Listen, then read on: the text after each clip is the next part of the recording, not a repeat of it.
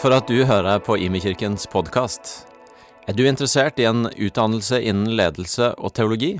Gå gjerne inn på hlt.no slash stavanger og finn ut mer om heltids- eller deltidsstudier. Godt å se dere. Godt å få feire gudstjeneste med dere. Hvis du er ny eller på besøk, mitt navn er Egil Elling. En av pastorteamet her i huset og skal dele litt eh, med dere som Gry allerede har sagt. Vi har begynt denne høsten med en serie som eh, heter Sprengkraft. hvor vi gjennom en serie videoer gir noen glimt av det som har vært vår historie som menighet, og hvordan vi har kommet dit vi er i dag, og er blitt de vi er i dag.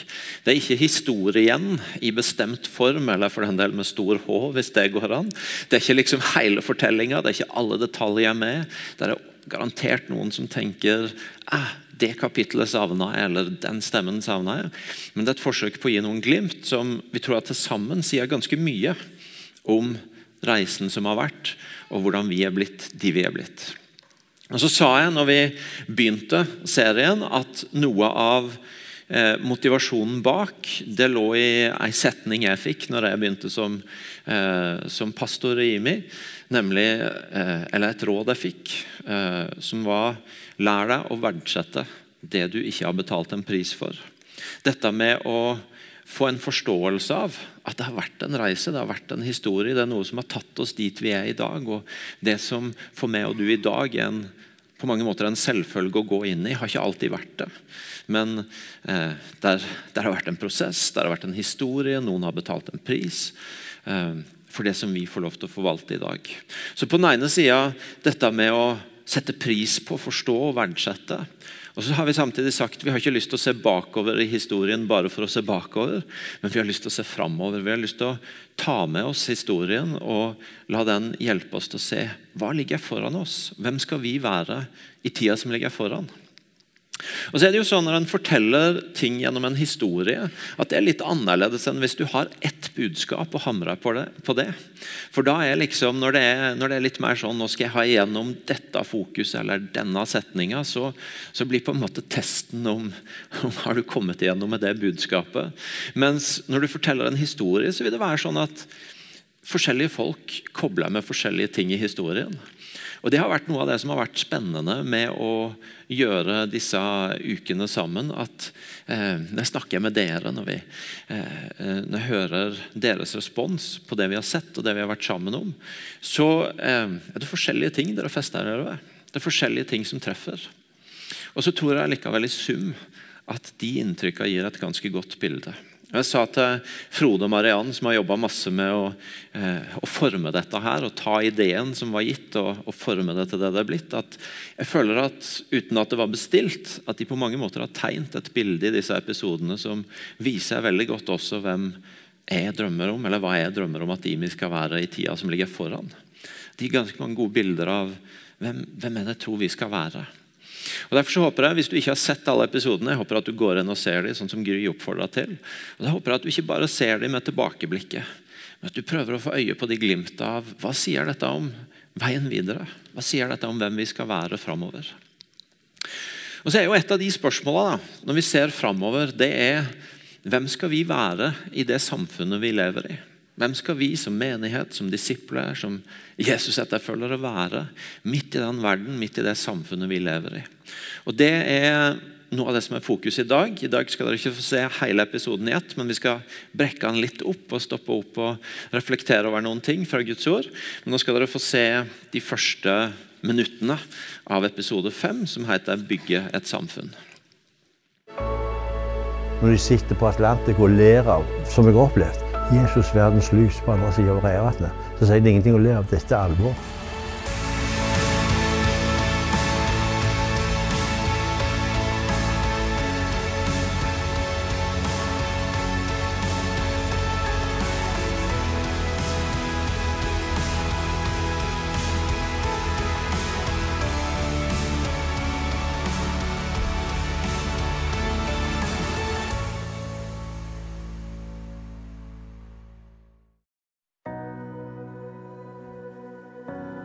Arne Garborg mente at jærbuen tror på skillingen og trøyster seg til Gud.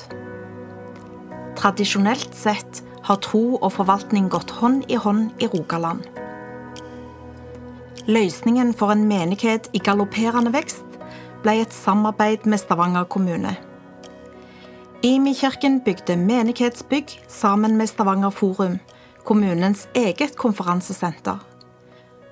Hotelltårnet raga over bygningene og gjorde rom for gjester som kom til oljemesser og menighetskonferanser.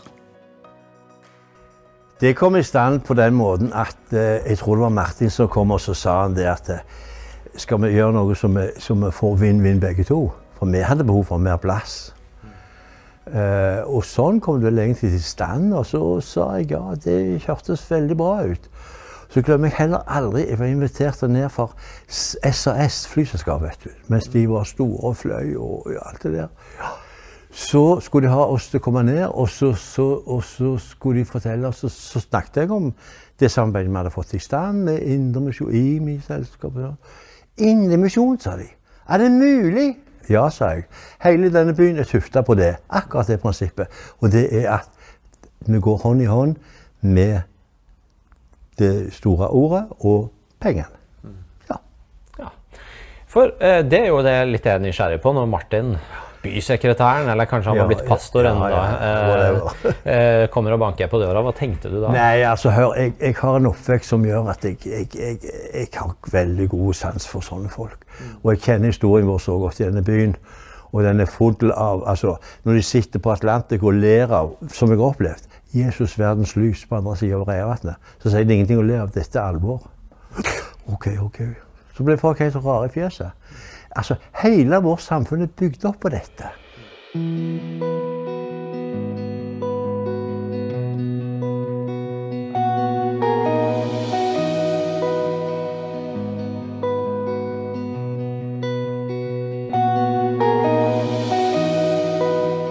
Det har jo, har jo eh, vært viktig. og Den avisa jeg var i før, Stavanger Aftenblad, ble jo starta av av Lars Oftedal, som både var prest og predikant og bedehusfolkets mann. Og, og så kjenner jo historien gjennom det òg, og det har vært viktig. Samtidig så blir det jo òg litt karikert, særlig sett fra Oslo, for de ser jo på både Sørlandet og Vestlandet og Rogaland som et definitivt mørkt fastland, og, og hvor folk bare er på bedehusene. Og da tror jeg både tar feil av Stavanger, men de tar òg feil av bedehusmiljøet, og inkludert IMI. Eh, for det er jo ikke bare mørkt og trist og svart og sånn som du kan få inntrykk av av og til, som òg ble litt karikert i, i Lykkeland. Altså, noen snakker om at rommet for uh, kristne, og kanskje da for IMI i samfunnet, kan bli trangere. Men du utfordrer deg på å heller ta mer plass? Ja, jeg mener jo det. Enten du er enig eller uenig, eller står for eller ikke står for det IMI står for, så er det en aktør som bør bruke uh, si, innflytelsen sin på en mye, mye bedre måte delta i debatter, eh, åpne huset sitt for andre enn seg sjøl. Eh, engasjere seg i det som eh, skjer i regionen, ikke bare ting som angår IMI direkte, men det kan være byutviklingsspørsmål og andre ting som det er viktig at, at den type aktører òg tar, tar og mener noe om. Men der er det en ganske stor forsiktighet, syns jeg.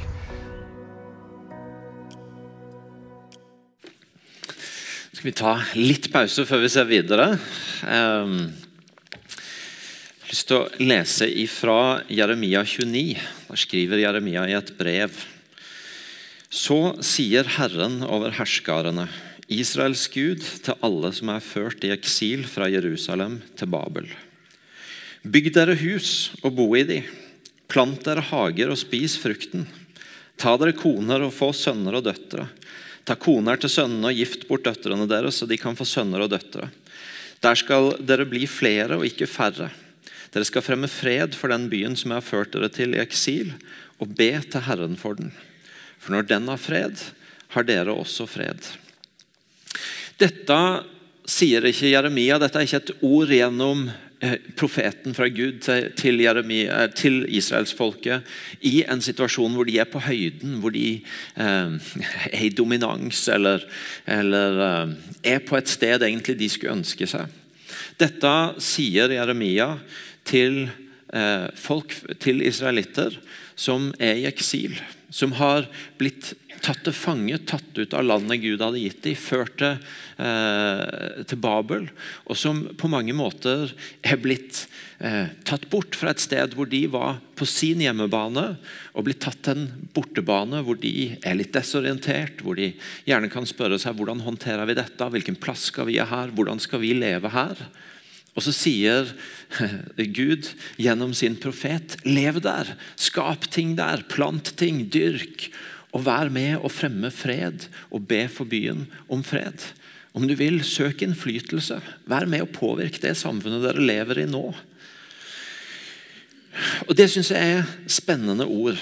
Det er mye som er sagt og skrevet, og jeg skal ikke male det ut i dag, men det er mye som er sagt og skrevet i de siste åra om, om, om, at kristen tro taper terreng i vårt land. Om at det blir færre kristne, færre menigheter. Om, eh, som vi var innom i videoen der òg. Noen ganger så, så, kan en snakke om hvordan er rommet for å, for å målbære kristen tro, synspunkter for kristne verdier i samfunnet vårt. Og, eh, og der er et aspekt av det som, som på en måte er virkelig, og som gjør at noen til og med har brukt det begrepet, snakka om, om en litt sånn eksilopplevelse av det å være kristen eh, i Norge. Ikke i den forstand at vi er bortført eller at vi er ufrie, men at, at, vi kanskje har gått fra å være mer i en posisjon hvor kristen tro, hvor kirka var mer i sentrum av samfunnet, til å bli pressa litt sånn ut på sidene og, og befinne oss i en ny situasjon hvor en kan spørre ok, hva er vår plass her? Hvordan ser vår rolle her ut? Og I en sånn situasjon så kan en jo spørre hva skal fokuset vårt være nå? Eh, blir det først og fremst viktig for oss å på en måte samle troppene og sikre at, at vi bevarer oss sjøl, at vi bevarer det vi tror på, eh, det som er våre verdier, at vi på en måte holder tett og holder fast? Eller er det viktig at vi går inn i det samfunnet som vi nå er en del av, og som ser annerledes ut, og, og tar vår plass der? Og så er svaret ja. Begge deler. Det er ikke enten-eller, men det er begge deler. Jesus han sier jo til disiplene dere er jordas salt, men hvis saltet mister sin kraft, hva da? I de forrige episodene på Sprengkraft så har det handla mye om hvordan, hvordan på en måte ble vi de, de, ble, de vi ble sånn i form av de verdiene, den kulturen, det livet som, som, som er oss inne i kirka. Og Det er superviktig å ta vare på. Den kulturen, om du vil, det Gud har planta ned i oss. Og, og passe på det, sånn at det livet lever sterkt. Um, og En utrolig flott pastor og forkynner, forfatter som heter Eugene Peterson, han skriver i en kommentar om de versene jeg leste fra Jeremia, at, om israelsfolket. De slo seg ned i Babylon for å finne ut hva det betydde å være Guds folk i den situasjonen de ikke ønska å være i i Babylon. Resultatet var at dette ble den mest kreative perioden i hele linja av den hebraiske historien. De mista ikke sin identitet, de oppdaga den. De lærte å be dypere og mer på, på dypere og mer livsforvandlende måter enn noen gang. Den rystende opplevelsen av eksil rysta de og lot de se dybder og høyder i skriftene som de tidligere ikke hadde forestilt seg. De mista alt de trodde var viktig, og de fant det som var viktig, nemlig Gud. Det å ikke være i sentrum, det å ikke ha en posisjon en gjerne kunne tenke seg at en ville ha, eller har tidligere vært vant til å ha, det trenger ikke bety at en mister identitet. At en blir mindre det en er satt til å være. Det kan like gjerne være en tilskyndelse til å bli mer.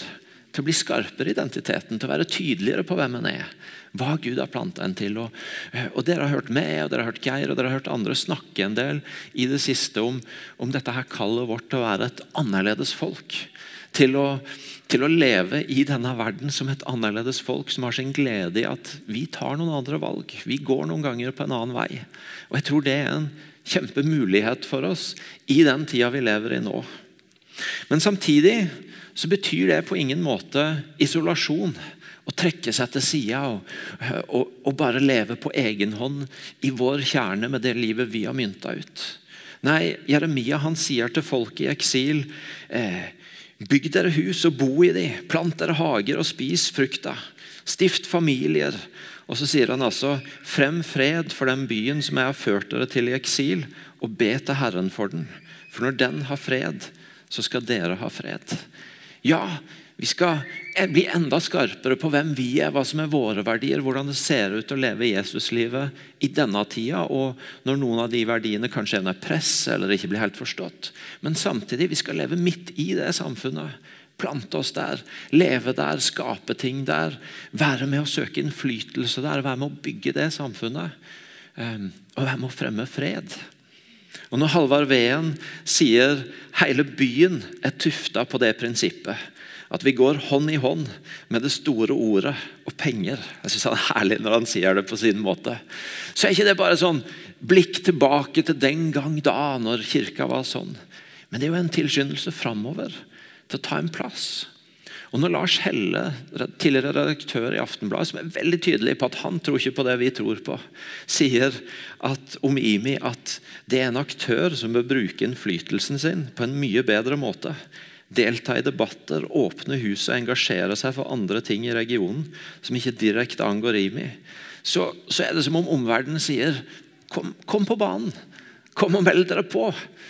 Og det er en del av av det som handler om å begynne å vende blikket framover i denne historien vi forteller. At eh, vi utfordres til å ta en plass, til å være med å bygge samfunn, til å ville ha innflytelse, til å skape ting, til å delta. Og så er spørsmålet hva er det vi skal bringe inn? Hva er det vi skal influere med? Og det er et stort spørsmål. Jeg kan ikke svare på alt i dag, men jeg har lyst til å vise dere et glimt til fra episoden i dag. Og så skal vi reflektere over en ting eller to i det. Så kan vi se neste klipp. I tillegg til administrasjon og kontorlandskap rommer IMI-bygget Akta bibelskole og åpen barnehage. Etter hvert kom også høyere teologisk utdanning, som i dag er HLT Stavanger. Men ikke alt lot seg romme i eget hus. Nei, og Martin er jo en visjonær type, så han eh, klarte raskt å skape et bilde hos meg av en eh, stor kristen friskole i Stavanger. Eh, og eh, vi gikk med ganske høy energi inn i ei styringsgruppe, som vi kalte det. Og vi brukte vel da et godt år på å utforme søknaden og på en måte eh, danne grunnmuren for det som i dag er KF-skolen. Mm. Sendte inn søknaden og var gysla spente da på hvordan dette kunne gå. Jeg husker ennå dagen da jeg eh, av en grunn var på IMI, eh, og Hanne, da, som jobbet eh, sammen med Martin, hadde fått brev fra UDIR om mm. at godkjenningen av KF-skolen for 411 elever i Stavanger var på bordet. Og jeg kunne bare ta med den, sprang ned i salen hvor jeg visste Martin var. Da ble det en god klem. KF-skolen, en ganske røff visjon å kjempe igjennom. Eh, en skal ha godkjenning, en skal ha finansiering. Og så, når en omtrent mobiliserer alt en har, så står en igjen med ni elever, skole og regn. eh, vurderte du å gi deg? Ja. Men så hadde jeg spørsmål Ja, men Gud, så jeg, tenk om jeg tar feil? Og så hører Gud si ja, ja, men det var i hvert fall et godt forsøk. Nei, Da tenkte jeg at dette var jo ikke sånn jeg hadde sett for meg at det skulle være. Jeg, jeg var så overbevist om at eh, når en går og gikk på det en var kalt det, så ville det være en, si, en suksess i tall og omgivelser òg, da. Eh, vi ble aldri kjørt på økonomi, f.eks., som selvfølgelig var vanvittig dårlig i den perioden der. Men vi ble bare heia på som en sånn der Ja, dette skal vi få til. Eh, så vi drev denne skolen som om det var en egentlig ganske vanlig skole, stor skole, og brukte det som måtte til av ressurser for å gjøre det.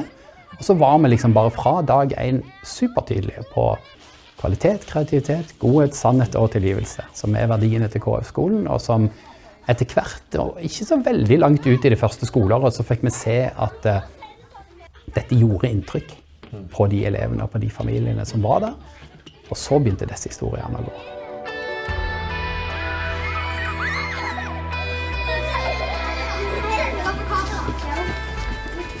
Tvilte du noen gang på om det var, var feil? Altså at det ikke var Guds idé, det var din egen idé? Jeg tvilte jeg. Jeg vet ikke om jeg tvilte på KF-skolen. Men jeg var usikker på om jeg ville få det til med bakgrunn i antall. Men en beveggrunn er på den ene sida jeg opplever at Gud har tatt oss inn i, og det andre er ungene våre fortjener det beste. Vi må gi ungene våre det beste. Og jeg tror jo da, og som jeg opplever at vi har fått bekrefta mange ganger gjennom foreldre og deres historier, om, eh, om at KF-skolen innfrir det. Det betyr ikke at alt ved KF-skolen er perfekt, men det betyr at vi holder på eh, å vokse inn i noe som skal bli bedre og bedre og bedre og bedre.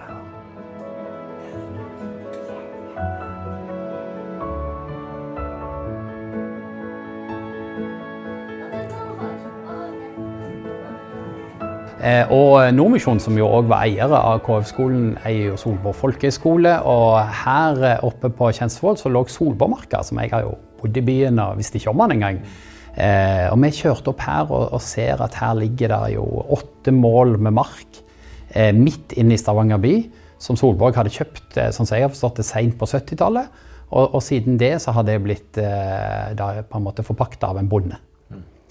Eh, og eh, når vi da tar kontakt med Solborg, så viser det seg at de er akkurat i gang med et prosjekt på hva skal de bruke Solborg-marka til. Og så begynner den ballen å rulle. Så er den i gang. Bruker hvor lang tid på å skape skolen? Ja, 34 år fra og fra det tidspunktet til nå. Og innflytting høsten 2021. Mm. Med hvor mange elever? 204 elever.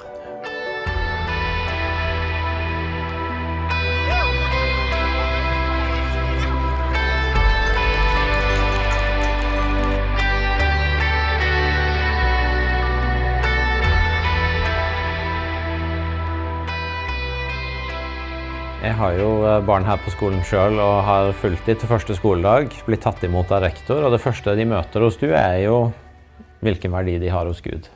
Hvorfor begynner du der? Fordi jeg tenker at det er det viktigste et barn kan vite. At eh, når du har blitt eh, 46, sånn som meg, så vet du at eh, en gjør både veldig bra ting, men òg en hel rekke ting som en ikke er så stolt av. Eh, og Da kan det være veldig fort gjort i en sånn handlingstravelhet at vi tror at det er det som definerer oss i møte med Gud.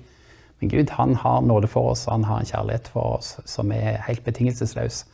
Og Det å få vite det så tidlig som mulig og så ofte som mulig, det tror jeg er det beste fundamentet du kan ha for å dra ut i denne verden og leve.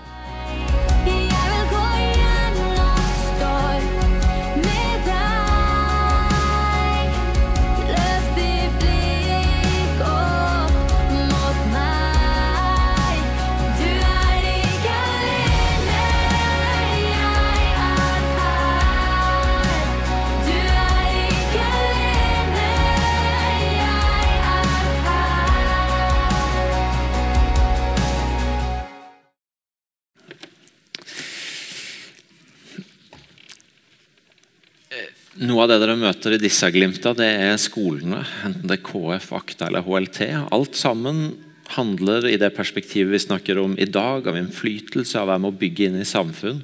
Om å ha et sånt langt blikk på det å bygge folk, investere i folk. Eh, og tro at det vil det høste frukter av 10, 20, 30, 40, 50 år ned på veien. Og så er Noe av det som grep fatt i meg i det vi så her, det er det Sven Bjarte sier om verdi. Jeg har lyst til at dere, jeg skal gjenta det for dere, for det er så bra. Han sier at det viktigste eh, Eller jeg spør, for jeg har levert tre barn til første skoledag på KF-skolen og sett hvordan de alle tre på hver sin måte har blitt møtt med at det første budskapet handler om hvilken verdi de har. Og Når jeg spør han om det, så sier han det er det viktigste et barn kan vite. Når du er blitt 46, så vet du at du gjør en del veldig bra ting, men også en del ting som du ikke er så stolt av. Da er det fort gjort i en sånn handlingstravelhet å tenke at det er det som definerer oss i møte med Gud. Men Gud han har nåde for oss, og han har en kjærlighet for oss som er helt betingelsesløs. Det å få vite det så tidlig som mulig og så ofte som mulig, det tror jeg er det beste fundamentet du kan ha for å dra ut i denne verden og leve. Utrolig godt sagt. Og Det tok tak i meg i perspektivet av innflytelse, av å bygge samfunn. Hva om et av de viktigste bidragene vi kan gi, eh, både som enkeltmennesker og som fellesskap inn mot mennesker rundt oss, er denne annerledes holdninga til verdi. Og til hva som gir verdi, og til hvordan vi holder fast i menneskers verdi, uavhengig av hva som er status akkurat nå. Jeremia han sier bare et par kapitler senere til israelsfolket ehm, med evig kjærlighet har jeg elska deg, jomfru Israel. Derfor har jeg hele tida vist deg miskunn. Med evig kjærlighet har jeg elska deg. Og Når Paulus skal gi sine, sin visdom til den unge lederen Timoteus, så er noe av det han skriver i 2. Timoteus 2. Er vi troløse, så er han trofast, for han kan ikke fornekte seg sjøl. Denne uka så satt jeg i samling med Agenda 1 på online og hørte pastor Solomon fra Nepal fortelle om den situasjonen de er i. De, de opplever ikke bare om at rommet for kristen tro måtte være litt trangere. De opplever forfølgelse. De opplever reell fare for hvis de deler evangeliet med noen som ikke tror at det får konsekvenser i form av arrestasjon osv. Og Så forteller han om hvordan de søker andre måter å da tjene inn i samfunnet på. Møte menneskers behov. Og så på en måte egentlig være med å bringe en annen tilnærming til mennesker rundt. Hvor de gir de verdi. Om de ikke kan gjøre det med ord, så gjør de det med handling. Og Noe av det som vi har fått en god del tilbakemeldinger fra dere på, om hvordan dere tar med dere gudslivet inn i arbeidshverdagen, det er at flere av dere forteller om hvordan dere har fått bety en forskjell i, på avdelingen eller i arbeidsmiljøet gjennom å gjøre ting som handler om anerkjennelse og om det å sette en annen kultur av å kalle ut og sette navn på det gode i hverandre. Jeg bare tenker, Tenk for en mulighet vi har, ja som storfellesskap, men også som enkeltmennesker, enten det er på jobb eller i nabolaget, på studiestedet, der vi er, å representere et annet verdisystem. Sånn som Sven Bjarte målbærer her for barna, men som er like relevant for voksne. Det er ikke bare mine førsteklassinger som trenger å få høre om en verdi som står seg, enten en gjør gode ting eller dårlige ting. Det trenger vi alle. Og tenk om det i et samfunn som etter hvert er blitt ganske sånn røft, når noen går på trynet, når noen skjemmer seg ut. Å få være noen av de som bringer inn at vi ser annerledes på menneskers verdi. Å få bygge det inn i barna våre, i ungdommene våre, men også i kollegene våre, i naboene våre. i De som ikke ennå kjenner Han, men som kan få erfare for en utrolig mye bedre virkelighet det å leve i en gudsrike tilnærming, hvor verdien kommer fra et annet sted enn hva vi gjør eller ikke gjør, hva vi fikk til, eller hva vi ikke fikk til. Så Det var én ting som vi skal få ta med oss. og Så skal vi se siste del av videoen, og så skal vi stoppe kort opp for én ting til. Et av fagene som undervises på KF-skolen, er godhet. I 2006 bestemte IMI seg for å ta kirka ut av bygget og sjokkere byen med godhet. I løpet av ei uke hver sommer inntar en byen for å male hus og vaske biler luke hager og bære flyttelass. Etter hvert spredde godhet seg til 45 steder i Norge, hvor menigheter går sammen om å vise godhet, gratis og uten baktanke. Godhet for meg, det er gjerne å være raus med andre, gi boller på døra til nyinnflytta naboer. Eller eh, dele planter med ja, over hekken til naboen som du prater med. Altså vise raushet. Ja, dele av det en har. på en måte med, Så har lagd litt hulleblomstsaft, så går jeg gjerne bort til døra til en nabo med og glede. Jeg tenker at det, det, det, er en litt sånn icebreaker for å bli bedre kjent. Og godhet for meg, det, det har et litt praktisk uttrykk.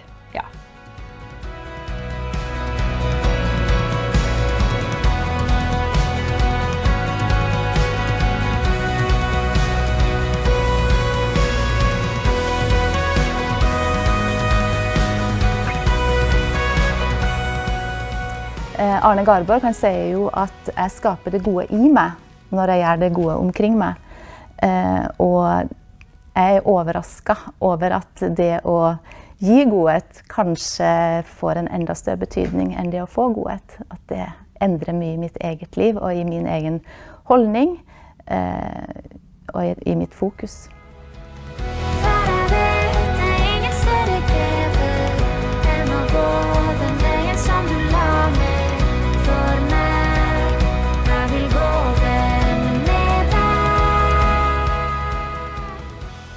Det var et viktig prinsipp for menigheten å gi videre det en har fått å forvalte.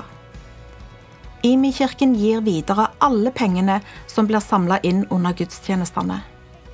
Det kan være til misjonsprosjekter eller til lokale formål. Martin, menigheten sliter økonomisk, og din helt intuitive respons er å si da gir vi kollektene ut. Skulle sett fjeset på dem. Da jeg foreslo det. Eh, jeg lurer på om jeg var oppe i halvannen million i, i underskudd. Og jeg tenkte. Og så var det OK, hva gjør vi nå? Og ja, vi må utfordre medlemmene og det tradisjonelle. Og jeg tenkte vi kan ikke utfordre dem mer. Vi, vi, om vi får vridd litt mer ut av hver av dem, så vil det allikevel ikke møte En ting var det vi hadde av underskudd til dess, men dette vil jo bare fortsette. Og så er det at jeg blir minnet om skriftstedet som, skriftstedet som sier 'gi og dere skal få'. Og så tenker jeg at dette bruker jo jeg veldig frimodig på enkeltmennesker. Men kanskje er det vel så mye snakk om menighet. Ja, men det vil ikke løse vårt problem. Nei, jeg er klar over det. Det vil ikke løse vårt problem. Men det er godt mulig vi må starte der uten å vite hvordan vårt problem blir løst. Ja, så gjorde vi det da. Det interessante var jo da at da tripla kollektene. De økte tre ganger. Vi må jo bestemme oss litt for på et vis hvorfor noen lover og hvilke prinsipper vi vil styre etter. Og jeg tenker at uh, veldig mange ganger så drar vi oss tilbake i frykt, tenker veldig på et vis menneskelig rundt dette. Mens igjen opplever jeg dere har våget å lytte inn det Gud sier, og tok Guds ord på alvor, at det er saligere å gi enn å få. Den som sår, han høster. Så jeg tror dere er i berøring med noen prinsipper som dere har våget å teste ut, og så har Gud faktisk velsigna det. Så det er litt sprøtt, men jeg syns det er veldig bra.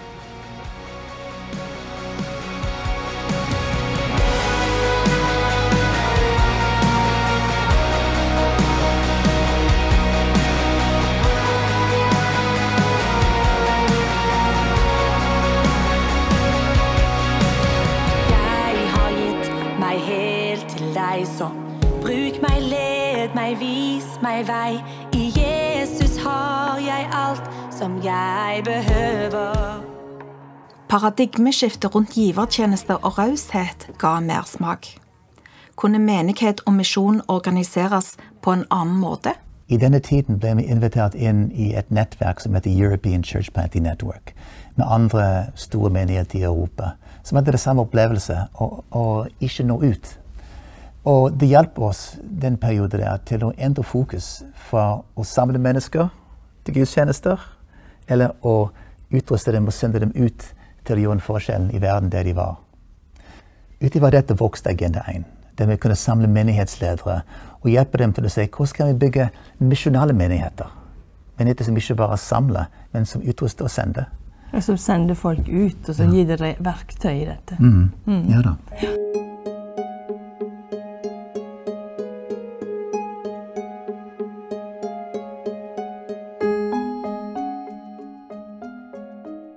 Husker vi sto på badet tidlig en morgen og fikk en telefon fra Martin i Thailand og spurte du kan dere komme ned og starte Agenda inn i Ja, Thailand. stemmer. stemmer. Jeg sa ja, så klart det. så vi reiste ned og hadde ikke peiling på hva vi gjorde. De hjalp oss jo til å få det De enkelt. oss ja. Mm. Det var jo det som skjedde, at vi Ja. kom med et ganske komplekst system.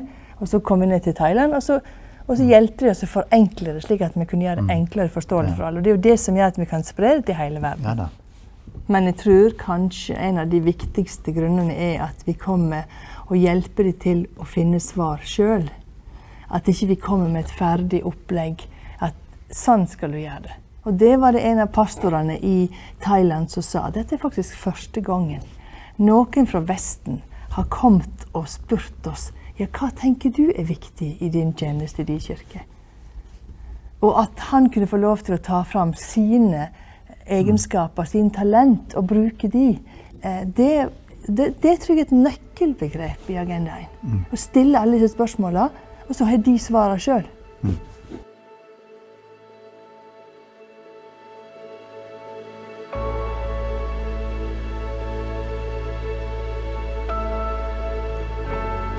Du er pastor for en pinsemenighet, samtidig som du samarbeider med Imi-kirka rundt misjon og menighetsnettverk. Er det problematisk for deg å gå tett på en luthersk menighet? Nei.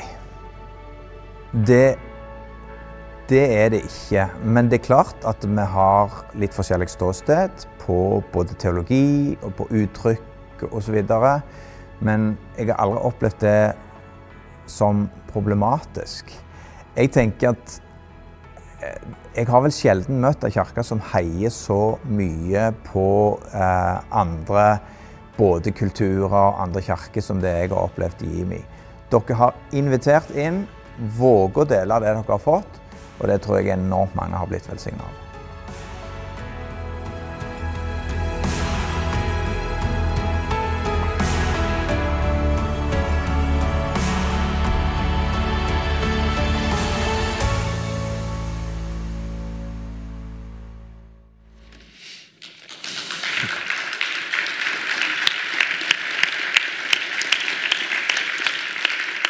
selvfølgelig mange ting i det vi så nå. En rød tråd for meg når jeg har sett det noen ganger etter hvert, det har med raushet å gjøre. Gunn hun sier at godhet for meg det er å være raus med andre. Det er å dele av det du har. Og eh, Dele av det du har, det kan være det du har, det kan være mye. Det kan være penger eller hylleblomstsaft. Det kan være tid eller det Gud har lagt ned. Men det er denne holdninga av der er noe godt, noe velsigna i å gi ut. Salomo han skriver i ordspråkene 22,9 at den som har øye for å gjøre godt, blir velsigna, for han deler sitt brød med den fattige. Og Paulus han skriver dette her snodige paradokset i 2. Korinterbrev 8-9 om menigheten i Makedonia, at i sin nød ble de hardt prøva, men deres overstrømmende glede og dype fattigdom har gjort de rike og villige til å gi. I sin fattigdom har de blitt rike og villige til å gi. Og så bare hamrer han det inn i kapittelet etter. Og Gud makter å gi dere all sin gave i rikt mål, så dere alltid og under alle forhold har nok av alt, ja, overflod til all god gjerning. En Gud som lar det være velsignelse i å, å, å gi ut. En Gud som lar oss få erfare rikdom i å gi sjøl når vi kjenner at vi kan mangle ting.